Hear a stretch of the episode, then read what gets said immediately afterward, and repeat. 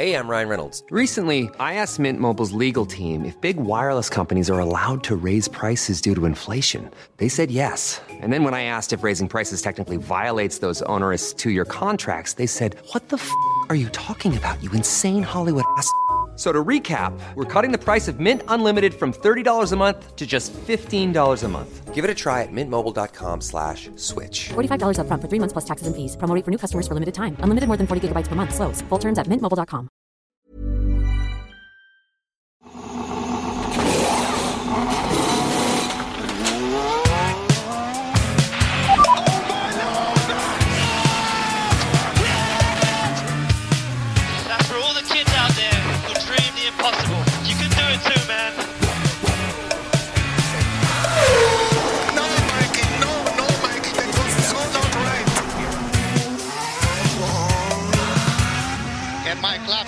steering wheel. Steering wheel, claps on steering wheel here. Hej på er alla. Det här är Filip Lindfors med lite basigare röst än vanligt. När ni lyssnar är det förhoppningsvis onsdag, det kanske är lite senare. När vi spelar in det här så är det tisdag eftermiddag och jag har för 20 minuter sedan precis sett Carlos Sainz gå i mål och ta sin första seger i Formel 1 någonsin. För att jag har varit iväg på Hula Baloo. Men vilket race vi har fått uppleva, Anna. Alltså vilken racehelg det var, både med eh, kvalet på Silverstone med de förutsättningarna och det regnet som var och sen det racet när man satt med, jag i alla fall satt med verkligen hjärtat i halsgropen när jag såg det som hände Alfa Romeo med Joe och framförallt eftersom det tog en väldigt lång tid innan vi fick se någonting överhuvudtaget och då får man alltid lite taskig känsla alltså. Och sen det racet med den racingen som blev Ja. därefter. Alltså, du har ju sett väldigt många fler Formel 1-race än de flesta i Sverige. Eh, men jag känner det här är det bästa racet jag sett. Ja, det ligger nog, jag ska vara lite försiktig med att säga att det är det bästa för man har sett väldigt många som har varit väldigt bra och glömmer säkert något om jag, och det finns de som jag har upplevt på plats som jag också tyckt varit helt magiska. Men i det här fallet så hamnar det definitivt i toppen och framförallt så var jag väldigt förtjust i den racingen som var när det var så många bilar som fightades om samma positioner. Det var inte bara två bilar utan det kunde ju vara tre och ibland fyra Ja. och det gillade jag skarpt. Ja, jag har ju som sagt fortfarande lite puls här nu för att det var så nyligen när jag såg det. Jag började, eh, jag såg ju liksom träningarna och kvalet och, och sådär på redaktionen, men sen har jag under söndagen när racet var så har jag varit iväg på dubbla svensexor, vilket ledde till att jag kollade starten på loppet liggandes så här mysigt gött bakfull vid en pool med en iPad, man låg och var lite så här härligt baktung. Och så det där som händer då, första, liksom, första kraschen. Så går man liksom från mysigt bakfull till så på alerten direkt när man ser att det där händer och får hjärtat i halsgropen som du säger. Det var ju det var ju alltså, om jag, jag är ju lite mer drastisk än vad du är va? Jag säger ju att det här är- det är väl det bästa racet jag sett om man kanske dramatikmässigt plockar bort eh, Abu Dhabi Mania förra säsongen då. Men, och kraschen är ju också, den är ju, det är, det är ju, va? Det är ju Ja, otroligt vilken krasch. Alltså för, för mig som jobbade så, så var det också en sån väldigt märklig känsla. För du sitter där och är laddad för att lajva.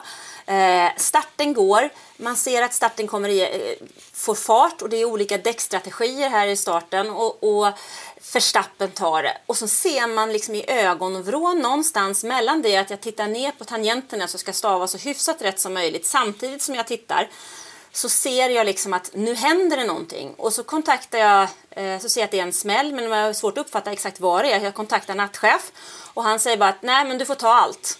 Så samtidigt som jag då ska skriva eh, liven och hålla folk uppdaterade där så måste jag skriva en snabbtext som ska ut på 32 sekunder. Eh, så då, och plocka, så fanns det inget bildmaterial så fick jag ju kolla runt på Twitter också för att se om man kunde hitta någonting för att få någonting. Så jag, gick, jag tror jag, mitt hjärta gick upp i någon extrem situation där innan text och allt var ute och rödflaggen låg ju som tur kvar en liten stund efter det så jag hann liksom landa innan jag skulle börja upp i puls igen. Ja. Men det var häftigt. Och, och det som du fick uppleva då var ju att du får ju gå, i och med att du såg det live, vilket jag inte gjorde, men jag brukar ju se alla lopp live sådär. Det var ju att du fick ju gå med den här ovissheten och väntan. Medan jag, det- såg, jag såg den där kraschen och bara så här, oj, jag måste veta. För nu är det liksom, jag såg den här, eh, jag såg star, eh, loppet på tisdagen alltså. Och jag ser då den där kraschen, jag måste veta, är han död eller inte? Så jag googlar ju liksom så bara, Janju Joe, okej. Och så fick man se så här, ja, ah, he's okay after the crash, bla bla. Då kunde jag liksom kolla vidare lite grann. Eh, och jag kunde ju spola och så vidare eh, eftersom att jag såg i, i efterhand. Mm. Nej, men jag får, det blir ju sådär, det är ju kanske många som lyssnar på den här podden som inte vet riktigt hur vi jobbar. Men jag har ju, dels har jag ju en live igång som jag ska uppdatera konstant och dels så ska man ju då skriva en snabbtext. Och den texten, eftersom man inte vet hur lä- läget är och hur den går så måste man ju samtidigt då hålla sig uppdaterad. Det räcker ju inte att titta på en tv-sändning utan man måste ju ha ett par tv-sändningar igång plus kolla sociala medier och så skriva en text som inte fastslår någonting eller ens antyder till att fastslå någonting men ändå är korrekt. Samtidigt som du måste ha det senaste snacket på liven. Så det blir väldigt mycket alltså fram och tillbaks mellan olika texter och information som ska processas. Hur mycket kan man använda och är den informationen värd att ens publiceras vidare? För det kommer ju väldigt snabbt väldigt mycket rykten och framförallt då i och med att F1 nu är väldigt duktiga noga med att inte visa några bilder förrän man vet att föraren är okej. Och det tog ju väldigt, väldigt lång tid här eftersom bilen liksom Ja, den flippar ju och snurrar och hoppar över däckstapeln och ner mellan däckstapeln och åskådarstaketet. Och det är ju fruktansvärt tur för de där åskådarna bakom staketet att, att det sitter där. Sen lämnar ju han väldigt olyckligt. Han sitter ju fast, han kommer ju inte ut. Och det är därför det tar så väldigt lång tid innan de kan bärga vraket och föraren som är fastklämd i det. Nej, rysningar, usch! Ja, man fick ju Christian Eriksen vibbar i känslorna som eh, dök upp, alltså danska fotbollsspelaren och, som föll ihop under EM. Eh, Alltså du, drar en, du drar en fotbollsreferens där. Jag känner mer Jules Bianchi, för det var också ett race som jag såg live. Eh, och den situationen var ju där så att då hade ju Adrian Sutil i sin Sauber gått av på exakt samma ställe och hjullastaren är på banan och man, ja, man ser ju vilken fart han kommer med och man bara känner att men här kan du inte köra så, de har ju vattenplaning. Och han drar in. Och där var det ju också sån fruktansvärt, så det, jag hade verkligen sån alltså, nej, olustkänsla i hela systemet samtidigt som jag måste blända bort det och fokusera för alla de tusentals människor som faktiskt följer oss. Ja, man, ham- man hamnar i någon slags mm, bubbla och mellanläge för man kan inte vara rent medmänsklig för då klarar man inte av att arbeta. Men man måste också ha med sig känslorna när man jobbar för att kunna förmedla en bild eftersom det är så att alla som följer oss inte har några tv-bilder framför näsan. Så det var, det var... Men det som jag på något sätt ändå känner är positivt med detta det är ju att man ser att den här halon faktiskt fungerar. Alltså jag, jag eh, var på testerna i Barcelona 2018 och då kom eh, Ferraris pressfolk släpandes på den där. Den väger ju eh, 9 kilo eller något sånt där. De släpade upp den där till pressrummet och la den liksom på ett av borden där. Det är, det är ett ganska stort rum. Det är säkert en ja, någonstans mellan 80 och 100 meter långt det här rummet och så står det en massa skrivbord i 20 meters varianter upp på det. Så satte de det i mitten på ett av den så alla liksom kunde gå runt och titta och klämma liksom på den där och se vad det var för någonting. Och alla stod ju där och skakade på huvudet och menade vad är detta och hur, hur ska den här funka? Men den där halon den, den ska alltså kunna stå emot 12 ton. Och den är av titan så den är ju förhållandevis rätt. Men då lätt. Och då pratade man ju så himla mycket om att nej men det här ser för jäkligt ut. Vi ska ha ett, eh, man ska ha eh, ett fritt huvud i formelbilsracing. Det är det som gäller. Men då hade man ju i huvudet då hela tiden det här med Jules Bianchi som jag nämnde förut som eh, skadades så svårt i Japan 2014 att han avled sen sommaren 2015. Men eh, den här den har ju räddat väldigt många liv sedan den infördes. Charles Leclerc 2018, Romain Grosjean i Bahrain, den hemska olyckan där det brann sådant 2020, Lewis Hamilton på Monza. Max Verstappen på huvudet. Han, fick, Max- ja, precis, han fick inte på huvudet av Max Verstappen utan han fick verkligen hela bilen på huvudet. Och ni som har sett Drive to Survive vet ju att man ser skrapsåren av däcket på Halon. Och sen Joe i detta race då. Ja, det är ju, alltså, jag kan inte ens fatta hur man har kunnat kört, alltså att det ens, alltså det är lite som att förr i tiden så stod folk i ett hockeymål utan hjälm och tyckte att det här är väl rimligt. Det här är väl supernormalt att stå i ett hockeymål och någon ös, öser puckar mot dig och så står man där utan hjälm. På samma sätt tänker jag nästan på liksom hur Formel 1 har varit innan. Att man ens har kört så länge utan den här halon. Det känns så sjukt att det, att det har hållit på i så lång tid. Nu när den är på plats och, och man vet att den räddar så pass mycket och att, hur viktig den är för säkerheten. Och det var ju väldigt, väldigt många då 2018 som tyckte det här var en katastrof. Alla var ju så skeptiska. Liksom. Jag är otroligt skeptiska. Toto Wolff och Niki Lauda menar på att ah, vad är det där för skräp? Liksom. Lewis Hamilton ville inte ha den. Romain Grosjean var ju vansinnig och tyckte att vad är det för någonting? Liksom. Men sen när den räddade hans liv så lät det ju lite annat om man säger så. Ja, det är ju andra ljud i den skällan. Eh, har, jag, jag har ju också, så fort, jag, när den där kraschen var, så fort, så fort den kraschen var så, så längtade jag ju tills att loppet skulle vara slut så att jag kunde börja kolla på alla vinklar och folk som hade filmat på läktaren den här kraschen när, när Joe kommer flygande liksom och, och snurrandes upp där. Eh, och har du kollat på några av dem som har filmat på läktaren? Eller? Det är ju, alltså när man ser dem som inte är de liksom officiella eh, tv-bilderna, det är ju så sjukt när man ser dem eh, som har filmat på läktaren när de kommer mot honom och studsar upp på staketet där. Mm, precis. Men jag la faktiskt ut ett par, det var det som jag sysslade med där. Jag la ut ett par, par eh, på våran live-tjänst där från Twitter under racet. Eh, innan man ens fick se de officiella tv-bilderna för att man liksom skulle... Eh, när vi hade, vi hade hört eh, vi hade hört Bent Sander från Alfa Romeo säga att han är okej. Eh, vi hade fått pressmeddelanden från Alfa Romeo som sa att han är vid medvetande. Då vågar man ju lägga ut några bilder och innan de officiella bilderna kom då så, så kom det ett gäng från, eh, från Twitter som man kunde se. Men sånt lägger man ju naturligtvis inte ut innan dess att man vet att föraren är okej och det är bekräftat från officiellt håll. Mm. Jag tyckte det bara var så, både hur det ser ut men även hur det låter då, för att från en vanlig person som har filmat med mobilen, mobilen på läktaren, hur, hur åskådarna reagerar och hur rått ljudet är när den där bilen landar upp och ner och man hör hur motorn fortfarande liksom skär och, och brinner till där. Liksom. Jag kan slänga in ljud från en av de här som har filmat på läktaren så kan man lyssna på den nu. Ja,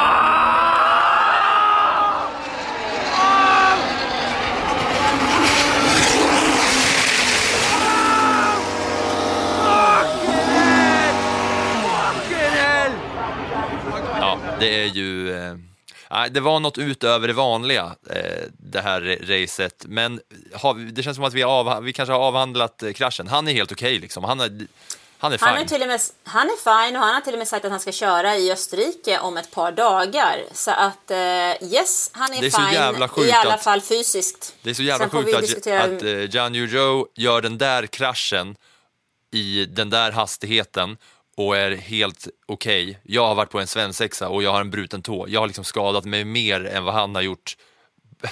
och vi har gjort lite olika grejer. Det är ju rätt sjukt att, det, att det, han är okej liksom. Då kan vi konstatera att det är säkrare att köra Formel 1 än att gå på svensexa med dig. Ja, tack och lov. Nu har vi avhandlat kraschen. Nu fokuserar vi på resten av racet och det gör vi med sprintgenomgången som kommer nu.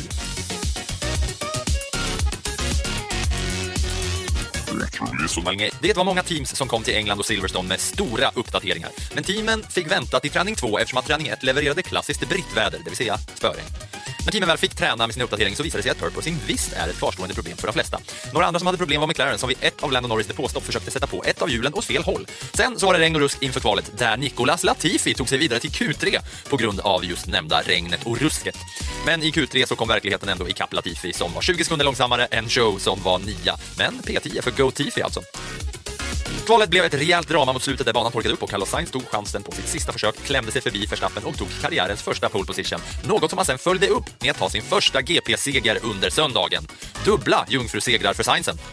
Helgens stora samtalsämne var ju såklart Johan Joes krasch, men den har vi ju redan avhandlat. Så utöver kraschen så var det ett race som innehöll allt och lite till. Efter omstarten så såg det ut som att Max Verstappen skulle cruisa mot en seger, men småtjurarna Pierre Gasly och Yuki Tsunoda körde ihop och den största tjuren Verstappen körde på lite småtjursdelar som hade lossnat och vips så var världsmästarens bils kapacitet begränsad. Det här ledde till att han fick tampas med bland annat Esteban Ocon och Mick Schumacher om sjundeplatsen. Efter en säkerhetsbil med dryga tio varv kvar av racet så bjöds tittarna på en makalös racing då Charles Leclerc, Sergio Perez, Lewis Hamilton och Fernando Alonso bjöd upp till dans bakom Carlos Sainz. Det var kamp, det var fart, det var taktik, omkörningar och iskyla när det böljade fram och tillbaka mellan dessa herrar och vi som fick titta på, ja, vi tackar för underhållningen.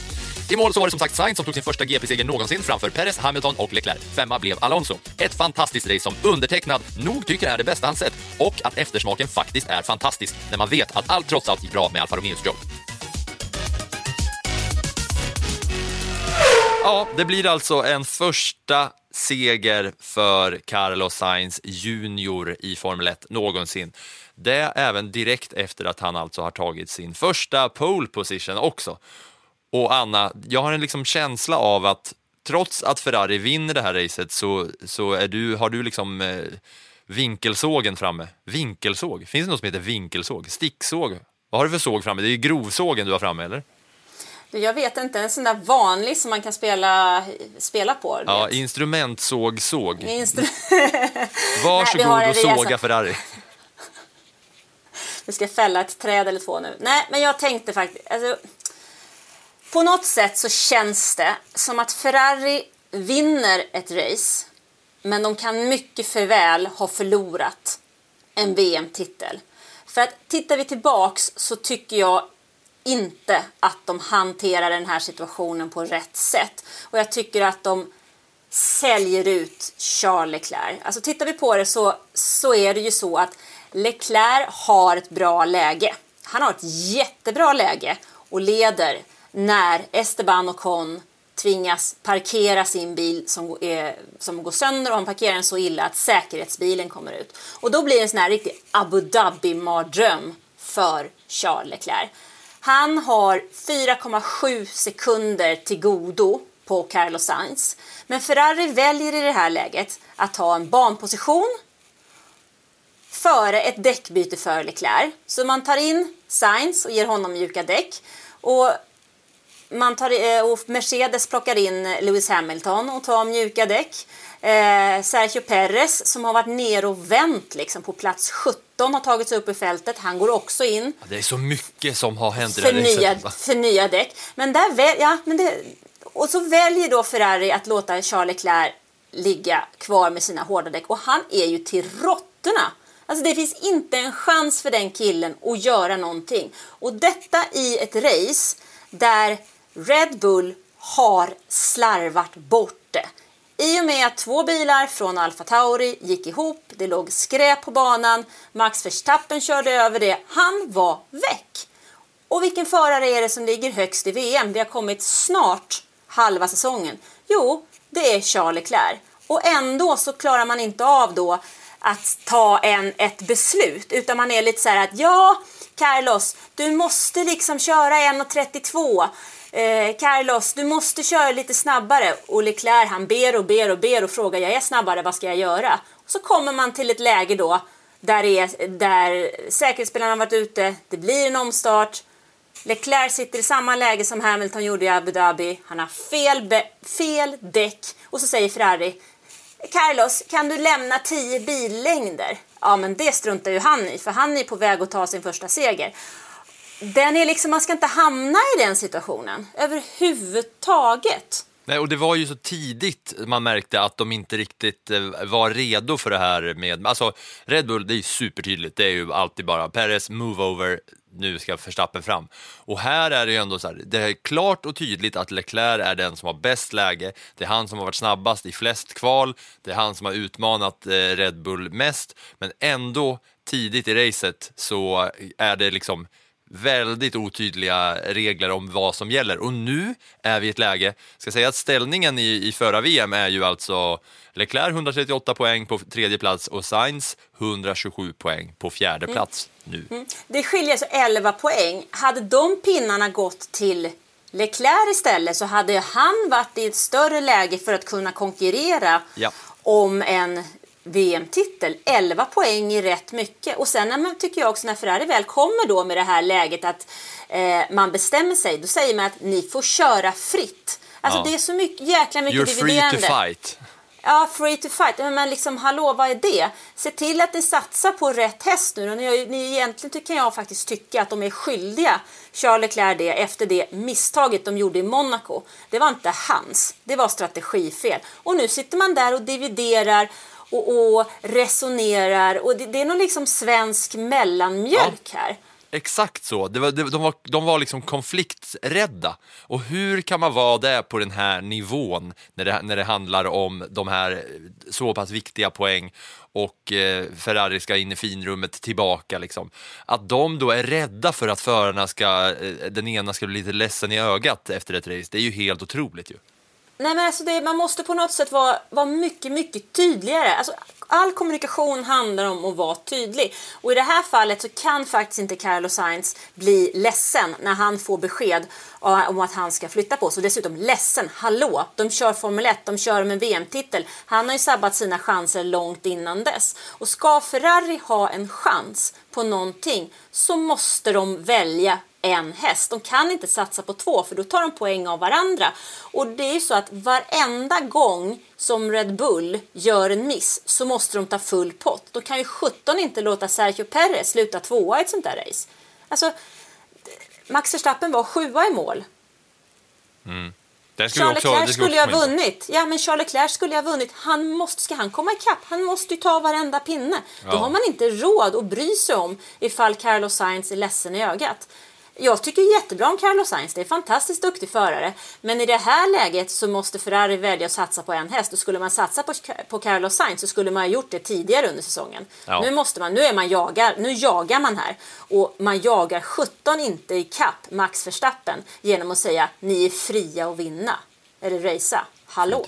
Ja, det är så jäkla sjukt ändå. För att Sainz kändes ändå lite off hela helgen. Det är så sjukt att han både tog pole och vann racet när det kändes som han var, att, att han inte, inte var rätt på det någon gång egentligen under helgen. Det var, det var ju så mycket konstiga grejer som, alltså ett det där att han tog pole position på det sättet han gjorde. Han sa att eh, ja, jag, var- jag var helt off idag, jag, jag fattar inte va, hur kunde det där hända? Verstappen var ju på väg mot pole men Leclerc hade snurrat där i regnet som gjorde att eh, han inte fick fullfölja det där eh, varvet som, eh, som Verstappen skulle göra i kvalet. Och sen med allt som hände i det här racet så är det, känns det liksom konstigt att Carlos Sainz kom, kom ut on top av alltihopa. Alltså jag hoppas ju att grabben, grabben köpte en lott den där helgen. För det var ungefär det som behövdes. Nu har han nog vunnit 10 millar till. Ja, det är... Ja, jag vet inte, man, nu när du pratar om det, man kom in på så mycket grejer som man vill prata om. Perez som var nere och vände, Verstappen som liksom fightas om sjundeplatsen med Ocon och Schumacher och eh, Hamilton, liksom Sir Goat is back. Var, vart tar man vägen efter det här? Eh, ja, var ska man men- börja egentligen? Men jag tycker ändå vi kan, vi kan eh, börja hos eh, Red Bull ändå. För att Perez, han var alltså 17 gubbe på varv 6. Och biter ihop, jobbar sig igenom, han fightar ner Lewis Hamilton och han har rätt däck och slutar tvåa. Det är hans andra topp 10-placering på Silverstone de senaste 10 åren, vilket betyder det brukar inte vara en av hans favoritbanor. Men han har nu tagit sin fjärde pallplats på fem race. Det visar ju också på en stabilitet och på precis det som Red Bull egentligen behöver. Det var en makalös comeback av honom den här helgen, tycker jag. Om, man bort, om vi ser bilderna från djungeln i Kanada där han liksom klantar till det fram till detta. Så det, där gör ju han en mycket snygg eh, Ja, och sättet, och sättet han gör det på. Alltså, om man, man, man bara tar loppet från början så var det ju Det var, så, det var så mycket annat också utöver den här kraschen. Det var ju den här starten när Ferra, båda Ferrari-bilarna var extremt långsamma. Det var Lewis Hamilton som hade sån superfart och kryssade igenom fältet där i början. Verstappen eh, spöade ju Sainz där i starten och man såg ju, man såg hur det där gick till och sen så fick de då starta Men- om efter den där kraschen. Man visste ju, är- Ingen visste ju hur det där skulle gå till egentligen. Man hörde ju teamen var ju också helt osäkra på vad, som skulle hända. men det, det som är intressant är ju faktiskt att Verstappen byter däck. Han startar ju racet på soft och tar Sainz i den starten. Ja. Och sen när det är ny omstart så startar han på medium. Eh, med en annan tanke där. Eh, men vi kan väl kliva över där från Perez till Verstappen för den är ju också intressant ju. För att han tar ju faktiskt ledningen i det här racet. Han tar ju ledningen, Sainz gör ett misstag, Ja, och det vill jag också säga om Sainz, att det känns så konstigt att han, han vinner det här loppet trots allt. För det, det var ju samma Sainz som vi har sett den här säsongen, som har liksom på egen, för egen maskin klantat till det. När han, är, när han är ute och kör och hamnar, i, hamnar utanför banan. Det var ju precis där- samma sak när Verstappen körde om honom i början. Och, ja, och därför är det lite konstigt igen, tycker jag, att Ferrari är så, så eh, tama i Ja. sitt ledarskap när han fortsätter att klanta till det. För här är vi också på ett läge. Det är väl varv, eh, vad kan det vara, varv 10-11 någonstans. Sainz gör ett misstag. Verstappen kör om honom. Men han går ut liksom på kurben där, kör utanför banan. Och där meddelar han direkt att jag körde på någonting, kolfiber tror jag, typ. Han tar ledningen. Men sen så ropar han det är något fel, det är något fel. Och alla tror att han har punktering. Så han går in i depån direkt. Men han kör ju alldeles för snabbt in i depån så han måste ju tvärnita. också ja. Ja. Ja, och då gör ju att då förstör han ju de däcken han hade. Han hade ju nya däck efter omstarten, men de är ju till råttorna liksom. Ja. Eh, så in där så hittar de ju inte vad det är. Utan det är bara fel på balansen och de kollar. Jag, jag såg en längre intervju med Helmut Marko på Servus TV, den österrikiska tvn här i deras Hangar 7 heter det, där man alltid snackar ner racen. Går sent på måndag kväll ifall att det är någon som gillar att lyssna på tysk TV. Eh, och då berättar han liksom hur de hade gått igenom bilen så gott som de kunde och de konstaterar att det är inget fel på bilen. Det är inget fel på däcken utan den är körbar. Men Max säger ju att det är problem med balansen. Ja, vi kan inte göra så mycket utan du kan köra bilen i mål.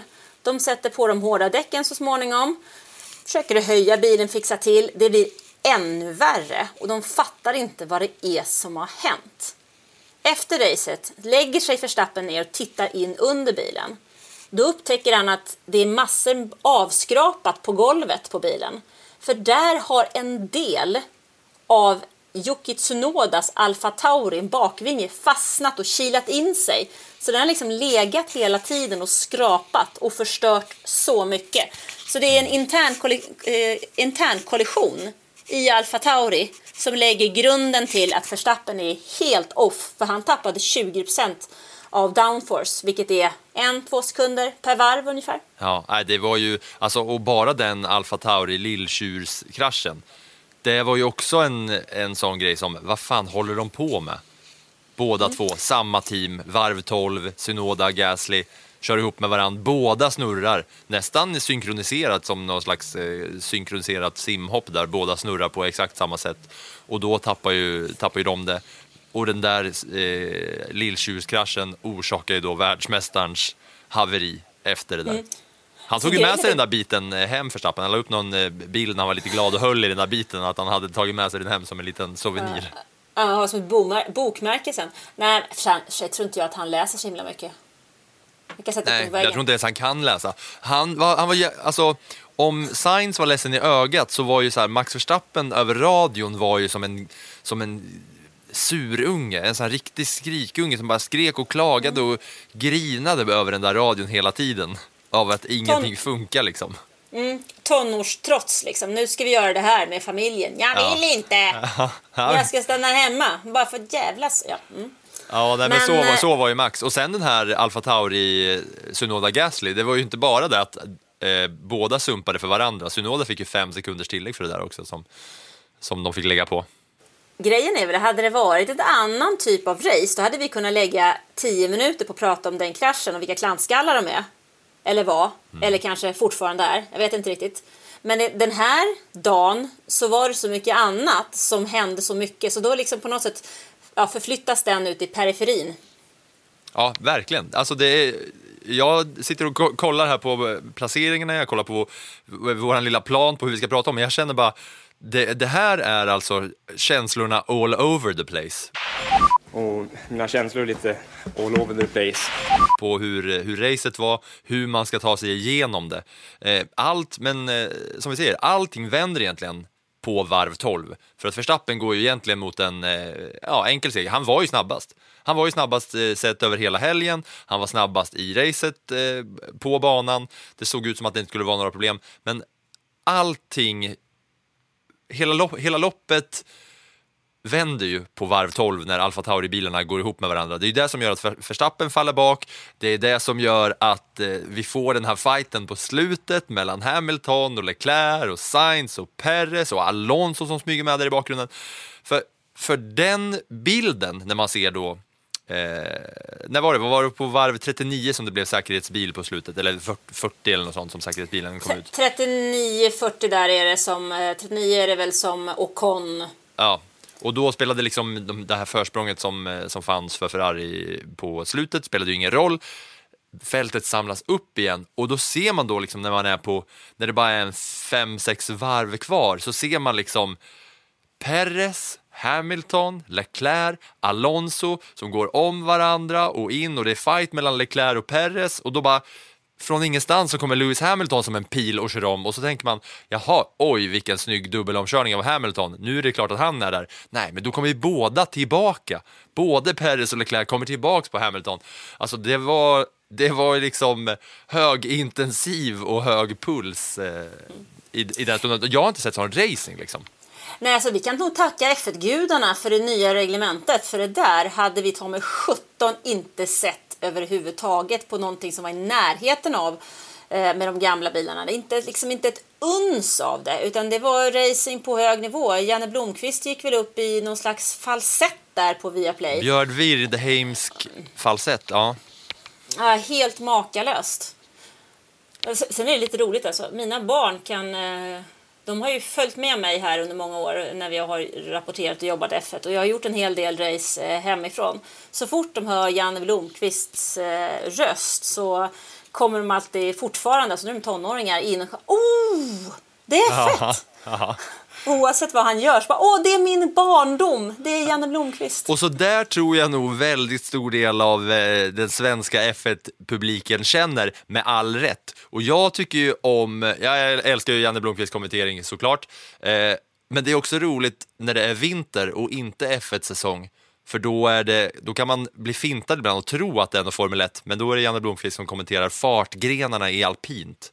Alla högsta, alla högsta farter, det är liksom top notch kvalitet där. Eh, men vad kul att se Viaplay tillbaks på plats också, hela, hela gänget. Det var, det var lite speciellt hela den här Silverstone-helgen från, från start till mål. Man kände det nästan där redan från början, eh, när, när träning 1 drog igång, för att det var många som hade kommit med liksom nya uppgraderingar och det var rekord, eller rekordpublik var det väl kanske inte, men det var superintresse och det var liksom stort eh, publikpådrag redan på träning 1.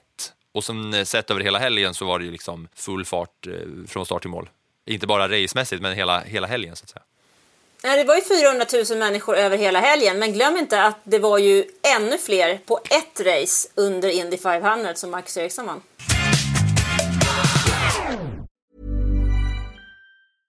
Hey, I'm Ryan Reynolds. At Mint Mobile, we like to do the opposite of what Big Wireless does. They charge you a lot, we charge you a little. So naturally, when they announced they'd be raising their prices due to inflation, we decided to deflate our prices due to not hating you.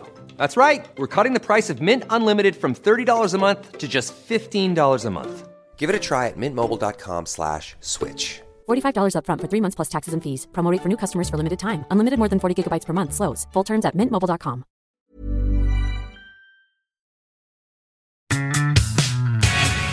Innan vi tar dina plus, Anna, så vill jag bara säga någonting om Nicolas Latifi i Williams.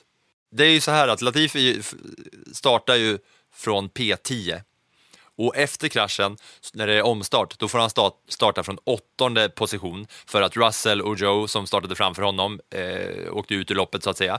Och i omstarten så tappar han då direkt två platser och han startar på softs och så är han P10 igen. Sen så bjuds han tillbaks till eh, position 8 när Gasly och Sunoda spinner framför honom, några som han aldrig skulle kört om. Eh, både Ocon och Bottas är framför honom och det blir eh, did finish på båda dem. Eh, och till slut så är då Latifi 12 efter att ha startat som tia med två förare framför honom som inte gick i mål, två förare bakom honom med snabbare bilar som inte, som inte kunde gå i mål och Gasly Sunoda som egentligen borde kört om honom om de inte hade liksom eh, klantat till det. P17, alltså de som startade, 17, 18, 19 och 20. Alla de kommer före Latifi i mål. Tack och hej Latifi. Nu, Anna, vill jag höra dina plus på Silverstone. Ett plus. Charles Leclerc. Han hade chansen att ta en seger, men det slutade med en fjärde plats. Det är en besvikelse. Det är nu fem race utan en pallplats och han har inte vunnit sedan i april. Har VM-tåget gått? 2 plus. Fernando Alonso. Ny poängplats och nu har han kört fler kilometer i Formel 1 än någon annan. 92 643 kilometer. Femteplatsen på Silverstone är teamets bästa placering i år. 3 plus. Mick Schumacher. Första VM-poängen för Michael Schumachers son. Släpper det nu? 4 plus. Lewis Hamilton. Hans racing påminde om tidigare säsonger. Han var på jakt.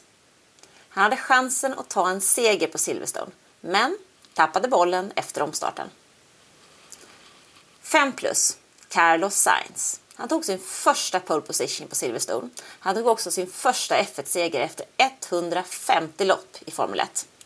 Dessutom fick han ta sin första seger för Ferrari. Då vill jag veta hur eh, motorstoppet ser ut för dig. Ja, motorstopp då. Alfa Romeo. Det är ju så att det teamet nollade ju här. Först var man med om en fruktansvärt otäck krasch med Joe. Skönt att han är okej. Men eh, även Valtteri Bottas bröt med en trasig växellåda och en nollad helg var ju inte vad det teamet behöver. De har mycket motvind, Alfa Romeo. Ja. Känns det inte som att det är mycket motvind för dem? Jo, det känns som att det blåser åt fel håll i Schweiz. Innan vi kikar in på hur det har gått för våra svenskar så ska jag bara bjuda er på lite småstats ifrån eh, Silverstone-helgen. Ja, då ska ni få lite småstats från helgen då. Då vill jag börja med att säga att Lewis Hamilton återigen har blivit historisk på ett eller annat sätt. Och den här gången är det för att han har, lyssna på det här, gjort flest säsonger i rad där han leder minst ett varv under den här säsongen. För han ledde Silverstones GP åtta varv och det gjorde att han har 16 säsonger i rad varit i ledningen minst ett varv under alla de här säsongerna och det är en säsong mer då än Mikael Schumacher som har 15 mellan 92 och 2006. Sen så tyckte jag det var intressant med Carlos Sainz som tog sin första pole position och tog sin första GP-seger. Och då har jag här framför mig de sex senaste som har gjort exakt samma sak, det vill säga alltså tar sin första pole och sen direkt efter tar sin första seger då, från eh, pole. Då. Och då har vi ju Carlos Sainz här som gjorde det i, på Silverstone. Och innan honom så var det vår vän, pastor Maldonado, som gjorde det i Spanien 2012. Sen var det Nico Rosberg som gjorde det i Kina 2012 också. Och Innan dess så var det Mark Webber som gjorde det i Tyskland 2009. Innan honom var det Vettel som tog sin första pole och sin första GP-seger i Italien 2008 och innan honom så var det ju Lewis Hamilton som tog sitt första i Kanada 2007. Lite kul. Och sen så hörde vi, Anna var inne på det lite förut, att Carlos Sainz tog sin första seger efter 150 race. Och eh, han är alltså tvåa i historien att ha kört flest race innan sin första F1-seger. Den enda som har kört fler race innan han tog sin första seger var Sergio Perez som körde 190 race innan han tog, tog sin första seger. Sainz körde då 150, under honom så körde Marco Webber 130 race innan han tog sin första. Rubens Barrichello körde 123 innan han tog sin första seger. Jarno Trulli körde 117, Jenson Button 113 och Nico Rosberg gjorde 111 race. Så eh, ja, grattis till Sainz då. Och så har vi en till liten statistik som är rolig i kampen mellan Ferrari och Red Bull och det är att om man har två staplar framför sig på antal GP-segrar och antal pole positions så ser de likadant ut, fast inverterade. Så alltså antal GP-segrar har Red Bull 7 och Ferrari har 3. Kollar man på pole positions så har Ferrari 7 och Red Bull 3, så det är helt omvänt där. Men intressant att Ferrari tydligt och klart är, eh, har, som, eh, har en bättre kvalificeringsbil. Då. Men de kanske är på gång nu efter Sciences seger här. Men nu vill jag veta hur det har gått för våra svenskar. Marcus Eriksson behåller ledningen i Indycar efter en sjätte plats på Mid-Ohio. Däremot var det tyngre för Felix Rosenqvist. Han gjorde ett grymt kval, startade fyra och hade en bra chans på en pallplats men drabbades av ett mekaniskt fel och tvingades bryta loppet. Eh, I Indy Lights så var Linus Lundqvist trea, men han utökade ledningen i mästerskapet. Nästa tävling... Det är går- gött att vi har dem i topp där. Ja, precis. Det går ju bra för våra svenskar i USA. Och nästa tävling är ju i Kanada 15-17 juli. Håll till godo för mer svensk koll. Nu är det koll på kommande race som är i Österrike, på Red Bull Ring. Och då är det sprinthelg.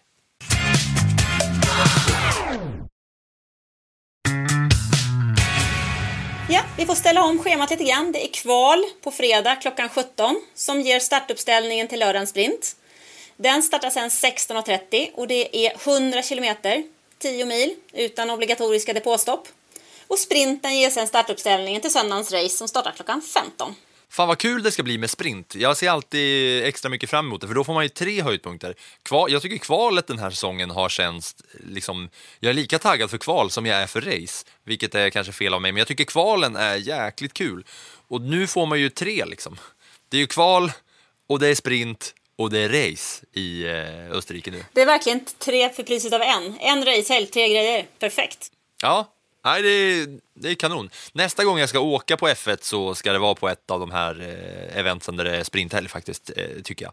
Eh, jag kan inte så mycket om eh, Red Bull Ring. Man har inte kört så länge på den, eller hur? Eh? Alltså den har haft andra namn tidigare och byggts om. Det byggdes om till eh, 2014. Eh, Red Bull köpte banan. Den hette A1 Ring tidigare. Eh, den är 4,3 kilometer, 71 varv. Det är, består av nio kurvor och det är enorma höjdskillnader. Så det här är som en liten eh, berg och dalbana. Och det brukar vara så att ska man ha en chans på en hyfsat bra startposition så får man inte göra några misstag överhuvudtaget under kvalet och dessutom se till att man är ute på banan vid rätt tillfälle.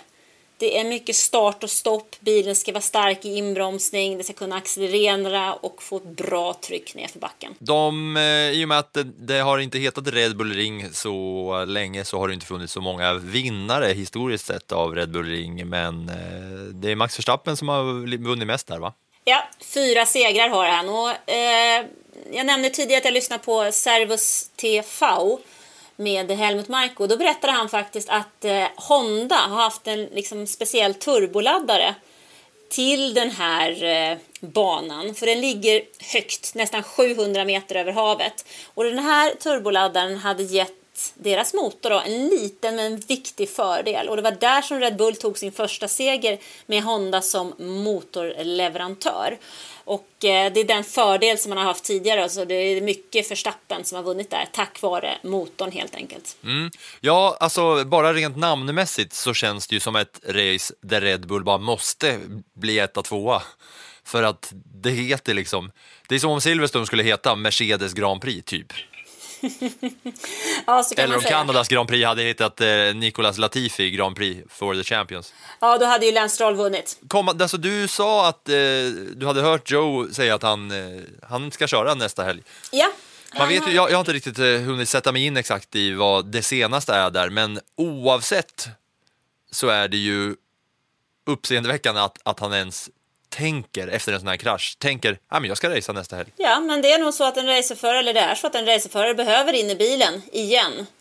Eh, Man måste hantera de där mentala spökena, för gör man inte det så blir det bara värre. Så att eh, han gör säkerligen rätt. Är han färdig mentalt och klar och fixar den pressen så ska han naturligtvis göra det. Jag vill bara säga en sista grej om den där kraschen och att vara F1-förare, någonting som jag reagerade på, är den liksom reptilhjärnan som de har när det kommer till racing, att de åker, för man fick ju se sen efter en stund så fick man ju se alla eh, bilkameror så att säga, man fick ju följa, se den där kraschen från alla vinklar som fanns.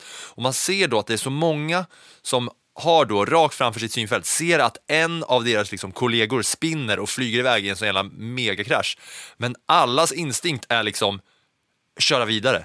Eller så här, jag måste, det har varit en stor krasch här, men jag måste ta mig ut på banan för att det är liksom racing. Det är så här, att instinkten av dem när de ser en sån grej är att köra vidare, förutom eh, George Russell som kutade dit det första han gjorde. Ja, han ville ju kolla hur det var med honom. Hans bil var ju redan parkerad. Ja, nej, jag tyckte det var, det var eh, på något sätt en liten eye-opener.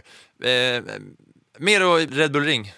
Ja, alltså Red Bull är ju alltid starka på hem, hemmaplan och det är en ganska kort kuperad bana och jag tror nog att Mercedes inte kommer att ha en eh, riktigt lika framgångsrik helg här i Österrike. Däremot så eh, tror jag att de kan komma tillbaka på en bana som exempelvis Frankrike där vi inte har lika mycket bouncing och, och hoppande. Jag mm, misstänker nog att eh, Mercedes inte kommer att se riktigt lika bra ut i Österrike. Däremot så behöver ju Ferrari ta sig tillbaka in i toppen och framförallt Charles Leclerc. Det här med att den heter Red Bull Ring, är det så att liksom Red Bull bestämmer då, om man vissa, eh, alltså till exempel Melbourne hade ju banan gjorts om lite och på Silverstone så är det så här, där gamla målrakan sa de på, eh, på något ställe. Banorna ändras ju lite då och då. Är det så att Red Bull liksom kan bestämma hur banan ska liksom, om den ska kunna göras om på något sätt så att det passar Red Bull-bilarna eller att det inte passar någon annan eh, team på något särskilt sätt?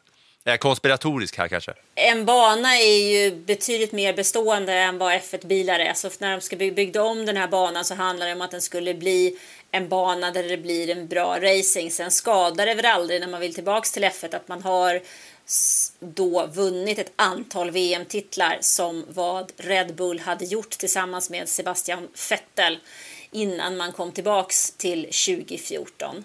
Men alltså det, det är en väldigt intressant bana för att det kan bli problem med det här som vi kallar för bouncing, alltså att bilarna hoppar, för det är en det är snabba och trånga kurvor, det är hårda inbromsningar och det gäller verkligen att hitta rätt setup eller inställningar på bilen så att man klarar av att hålla balansen mellan aerodynamiskt och mekaniskt grepp. Alltså det är en utmaning som kan vara knepig att hitta rätt i och det som blir extra svårt nu då, det är ju när vi har en sprinthelg för du har en träning innan det är dags för kval. Så att det komprimerar ju allting väldigt mycket. Så jag tror att den här kvalet på fredag, precis som du var inne på, kan bli väldigt, väldigt intressant. Och det blir spännande att se vem som kan utmana Red Bull den här helgen. Och även träningen blir ju mer intressant. Alltså, jag tror att de, de flesta som nu är nya in i Formel 1, eller kanske de flesta överhuvudtaget, kanske kollar på kvalet de flesta kollar kanske bara på racet, håller sig uppdaterade om hur det gick i kvalet. Så där. eh, jag har ju börjat kolla på träningen nu varje helg, liksom, träning 1, 2, 3 och håller, liksom, håller ett öga på och ser lite hur det går. Eh, och träning 3 är ju oftast intressantast, tycker jag, men när det är en sån sprinthelg så här så blir ju träningen också ganska avgörande eftersom att de har så kort tid på sig att eh, anpassa bilen. Och då är det ju också hur den anpassas för sprint eller för eh, långkörare så att säga som själva racet eh, blir till slut. Det är ju eh, intressant och kul. Det är ju många poäng som man kan samla om man gör ett bra sprint, en bra sprint och om man också gör ett bra race. Det där. Så det är en, jag tror vi har tre mycket, mycket spännande dagar framför oss. Mm, det ska bli kul. Eh, och som vi har sagt tidigare när vi pratade om sprintrace är ju att det delas ut fler poäng i sprintarna i år än vad det gjorde, gjordes förra säsongen. Och innan vi bara då ska lämna och säga tack och hej så är liksom förarställningen nu här. Max Verstappen fortfarande i ledning såklart med 181 poäng. Perez tvåa med 147, trea är Leclerc 138, bakom honom Carlos Sainz på 127 poäng. Och i och med att det är så mycket poäng som delas ut under en sprinthelg, som vi varit inne på tidigare, så är det ju mycket som kan hända. Om, låt säga nu, att Charles Leclerc tar full pott och Max Verstappen kanske ja, kommer utanför topp fem, då är det ju helt plötsligt eh, superfight igen. Ja, vi vill väl ha superfight, är det inte det? Men då får ju faktiskt Ferrari se till att man inte gör bort sig på samma sätt som man har gjort tidigare. De måste ju ta bollen. Den gång Red Bull snubblar så måste de ju ta full pott. Man kan ju inte bara hålla på med att begränsa skadorna, för begränsa skadorna vinner man inget VM på. Tror du de eh, kommer liksom eh, påverkas på något sätt av hur snacket och kritiken kommer mot Ferrari för kommande race? Alltså, kommer vi se ett annat Ferrari kommande, när det, om det är ett liknande läge? Kommer det bli liksom teamorder då, eller tror vi att de kommer fortsätta vela på det här sättet? Jag önskar ju att de är tydligare, för jag vill ju se en kamp mellan två team. Eh, Charles Leclerc var ju däremot själv väldigt tydlig med att han ville ha en diskussion efter loppet kring vad det är som eh, händer och hur man ska hantera situationen. Men däremot så har ju Ferrari satt sig i en svårare sits. För att i och med att man lät det gå så långt på Silverstone så kommer det ju att bli svårare att dela ut stallorders. För nu har man ju redan börjat vela. Mm. Och nu kommer ju Carlos Sainz, nu har ju Carlos Sainz ett, eh, ett case för att, eh, nej men fan, det är ju mig vi borde satsa på för att det skiljer ju bara några få poäng här mellan mig och Charles. Ja, alltså Mattia Binotti måste ju visa vem det är som bestämmer i det där teamet. För det det är ju sådär att ingen förare någonsin kommer att vara större än Ferrari. Och då måste han också visa att teamet är störst. I konstruktörsmästerskapet så leder Red Bull fortfarande med 328 poäng och Ferrari knappade in lite grann då där bakom eh, och har nu 265 poäng före Mercedes som på eh, 204 eh, som är ganska långt efter och ja, blir det, blir det full pott på något sätt eller ja, blir det bra poängutdelning för Ferrari så kommer de ju knapra in lite i konstruktörs-VM också. Eh, vad väntar för dig nu då, Anna, om vi ska säga tack och adjö till våra lyssnare? Jag kommer att eh, tillbringa den här veckan på Partille Cup faktiskt i eh, Göteborg. Fram tills dess att det blir dags för eh, Österrikes GP. Jag ska dricka lite mer Resorb. Jag har eh, smält i mig två stycken sådana och eh, jag har klarat mig från huvudvärkstabletter. Sen ska jag nog sätta mig på balkongen och klippa den här podden så att lyssnarna får den i sina öron vid midnatt, natten mellan tisdag och onsdag. Och sen ska jag börja blicka framåt mot eh, Österrikes Grand Prix. Ska vi säga tack och adjö för den här gången då? Så biter vi ihop och kommer igen om ja, en vecka. Tack, tack och adjö. Nu blir det lite annat och sen så blir det race till helgen och ny podd nästa vecka. Adjö! Tack för att ni lyssnar.